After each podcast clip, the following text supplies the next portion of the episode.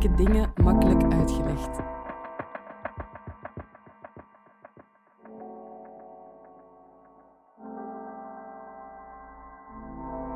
Dit is de podcast van Moeilijke dingen makkelijk uitgelegd. Wie de wereld wil verbeteren, moet wel begrijpen hoe die werkt. Daarom laten we in Moeilijke dingen makkelijk uitgelegd een expert 10 minuten aan het woord om een complex onderwerp uit te leggen. Deze keer leggen Cindy van Geldop en Gert van Titelboom uit wat de stijgende prijzen betekenen voor kwetsbare mensen. Uh, goedenavond en uh, welkom. Um, wij hebben een kleine presentatie voorbereid, omdat we toch een aantal dingen uh, heel visueel willen voorstellen, die misschien de dingen wat makkelijker maken om, om te volgen. Um, dus ja, het is inderdaad zo dat, um, dat de impact eigenlijk voor mensen die in, in armoede leven meestal groter is. en dat zal je zien als we eventjes doorgaan en naar het voorbeeld kijken dat we hebben voorbereid. armoede is niet alleen gaat niet alleen over inkomen, maar in de eerste plaats uh, wel.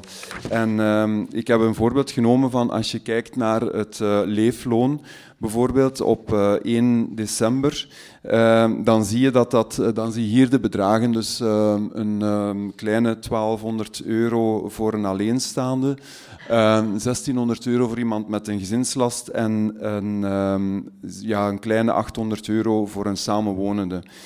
Um, dat betekent natuurlijk dat je, uh, ik heb nu dit voorbeeld genomen, er zijn natuurlijk nog andere mensen met andere lage inkomens, maar ik heb dit voorbeeld genomen om aan te tonen van als je met dit inkomen een maand moet uh, doorkomen, uh, dan is dat natuurlijk niet, niet veel. Um, en daar, daarbij komt, als we naar de volgende cijfers kijken, dat uh, de armoedegrens voor een alleenstaande op 1300 eh, euro ligt ongeveer en voor een gezin met twee volwassenen en twee kinderen op 2400 euro. Dus dat betekent dat eigenlijk de, um, de leef, het leefloon aan zich eigenlijk al onder de armoedegrens zit. Dus dat betekent dat mensen eigenlijk wel een inkomen hebben, maar dat het eigenlijk op zich al te kort is om aan die armoedegrens te kunnen zitten. En die armoedegrens die is bepaald, ja, die is Europees bepaald ook, um, volgens bepaalde standaarden. Um, maar dat geeft dus eigenlijk wel een, uh, een, beeld wat een grens zou moeten zijn waarboven, uh, of waarop mensen, of waarboven liefst natuurlijk, mensen een inkomen zouden moeten hebben. Dat is ook iets wat wij als uh, Netwerk tegen Armoede ja, waar we eigenlijk heel hard naar streven ook dat de, de, laagste inkomens eigenlijk zouden kunnen opgetrokken worden. Net om die reden. Want als we dan gaan kijken, um, dat, uh, als we gaan kijken wat dat dan betekent, um, dan zien we vaak dat de helft of twee derde van het inkomen eigenlijk gaat naar basiszaken. Naar huishuur, naar energie en naar vaste kosten en ook, daar zit ook voedsel bij. Dus als je dan ziet dat de voedselprijzen stijgen, dat de huurprijzen stijgen, omdat um, nu uh, is er een mogelijkheid dat uh, verhuurders um, de huurprijs uh, met 10% kunnen laten stijgen. en de energiekosten moet ik aan niemand uitleggen, denk ik, welke impact dat die op ieder van ons hebben gehad. Ehm, maar zeker ook op, op mensen die een, een laag inkomen hebben ondanks het sociaal tarief. Dus het sociaal tarief zorgt ervoor dat mensen een lagere energiekost hebben, maar het sociaal tarief stijgt ook mee, uh, wordt ook geïndexeerd. Dus als je al die zaken gaat optellen, dan betekent dat van uh, die 1300 euro die je als alleenstaande hebt, of zelfs minder, um, dat je daar nog veel minder van overhoudt eigenlijk aan het einde van de maand of het einde van de week. Soms, uh, sommige mensen krijgen ook weekbudgetten um, die 50 euro, 70 euro, soms 100 euro bedragen. Dus dat wordt allemaal, dat heeft een, um, een enorme uh, impact. Um, ik heb uh, daarnet ook al gezegd dat armoede uh, gaat in eerste instantie over inkomen, hè, want dat is, dat is eigenlijk de vraag die we ons meestal stellen of waar we meestal eerst naar kijken. Maar eigenlijk gaat het over veel meer dan dat. Uh, het is niet alleen een gebrek aan inkomen, maar zeker ook een gebrek aan kansen. En daar gaat mijn collega uh, Cindy wat meer uitleg over geven. Dank u wel, Gert. Goedenavond iedereen. Um, zoals Gert al zei, armoede is vooral een gebrek aan financiële middelen, maar vooral ook een gebrek aan kansen die mensen, jongeren, kinderen in onze samenleving dagelijks ervaren. Nu, het is niet zo eenvoudig. Iedereen kan veel vertellen over armoede, maar dan is het moeilijker om daarin mee te zijn. Dus we hebben daar een visueel uh, kader rond ontworpen, samen met verenigingen waar mensen in armoede het woord nemen. En we hebben dat opgesplitst in drie lagen, om dat proberen wat duidelijk te krijgen. En die eerste laag is namelijk de buitenkant van armoede. Van hoe is armoede? Hoe kan je dat herkennen?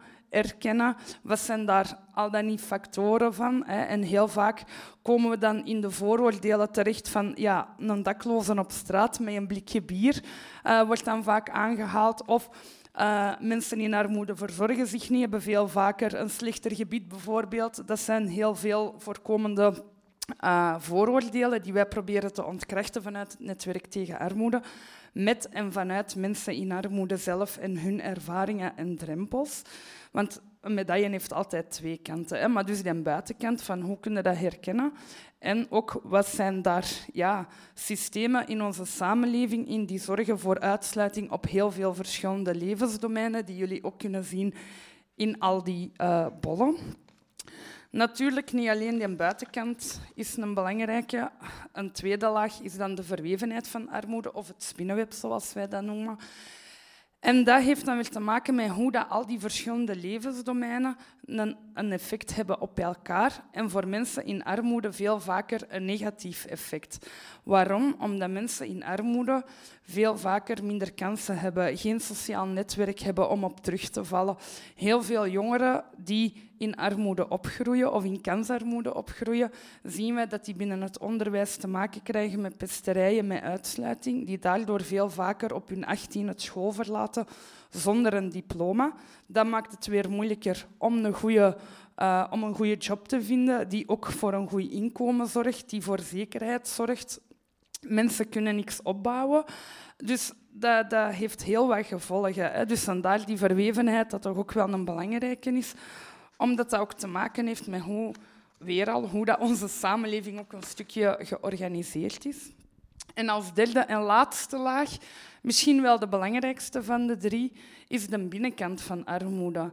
En dat gaat niet over iets wel of niet hebben, maar echt over die effecten daarvan op uw mens zijnde. Wat doet dat met u als mens om in armoede op te groeien of in terecht te komen. Want jammer genoeg, iedereen kan erin terechtkomen van ons. Dat is vaak het moeilijke daaraan. Ik wens het niemand niet toe.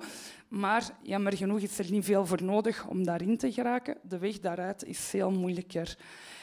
En als we dan kijken naar die binnenkant en dat effect op mensen, dan zien wij dat mensen in armoede, jongeren, heel vaak een heel laag zelfbeeld hebben, heel weinig zelfvertrouwen hebben. Dat ze het gevoel hebben van, ik kan niks, ik ben niks, worden ook veel vaker op een negatieve manier aangesproken of bekeken van dat is niet goed, je bent weer niet in orde, rode notas in de agenda's. Dat heeft allemaal een effect op je opgroeien en op je zelfbeeld. En daar proberen wij dus verandering in te brengen um, door uh, structureel armoede aan te pakken. Weer al met en vanuit mensen in armoede zelf, vanuit onze 57 verenigingen, waar mensen, uh, 61 ondertussen, want er zijn erbij gekomen, mijn excuses, 61 verenigingen waar mensen in armoede het woord nemen, die verspreid zitten in Vlaanderen en Brussel. Natuurlijk, hier hebben wij dat opgesplitst, maar al die verschillende lagen hebben ook weer een effect op elkaar. En het ene staat niet los van het andere. Er zit geen volgorde in. Het is niet dat ik vandaag ga zeggen van ja, vandaag zit het denk ik aan de buitenkant en morgen zal het dan eerder aan de binnenkant zitten. Nee, dat zit overal tegelijkertijd en door elkaar heen. Er is echt geen volgorde van of geen uh, ja, juiste manier. Je komt daarin terecht en je moet het doen met wat er is. En je moet heel vaak kiezen tussen de pest en de cholera, wat dan niet fijn is. Er wordt ook heel vaak gezegd dat mensen in armoede domme keuzes maken. Het zijn niet per se domme keuzes, maar heeft eerder te maken met het is dat of dat, het is mijn huishuur betalen of eten voor mijn kinderen hebben. Dat zijn vaak de mogelijkheden die er zijn. Um, wat wij dan vanuit het netwerk proberen te doen, is om armoede structureel aan te kaarten, vooral bij het Vlaamse beleid, uh, de Vlaamse politiek.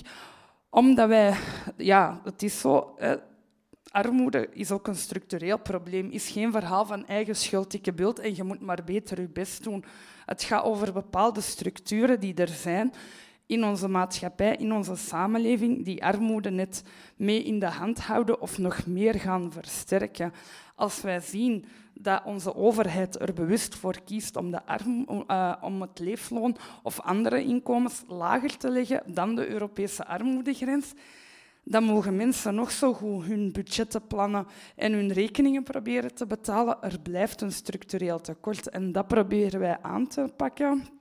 Um, dus wij brengen mensen in armoede heel vaak samen uh, op ons netwerk tegen armoede in Brussel. En wij luisteren naar hun ervaringen, hun drempels. Zij hebben vaak ook wel ideeën over wat kunnen mogelijke oplossingen zijn.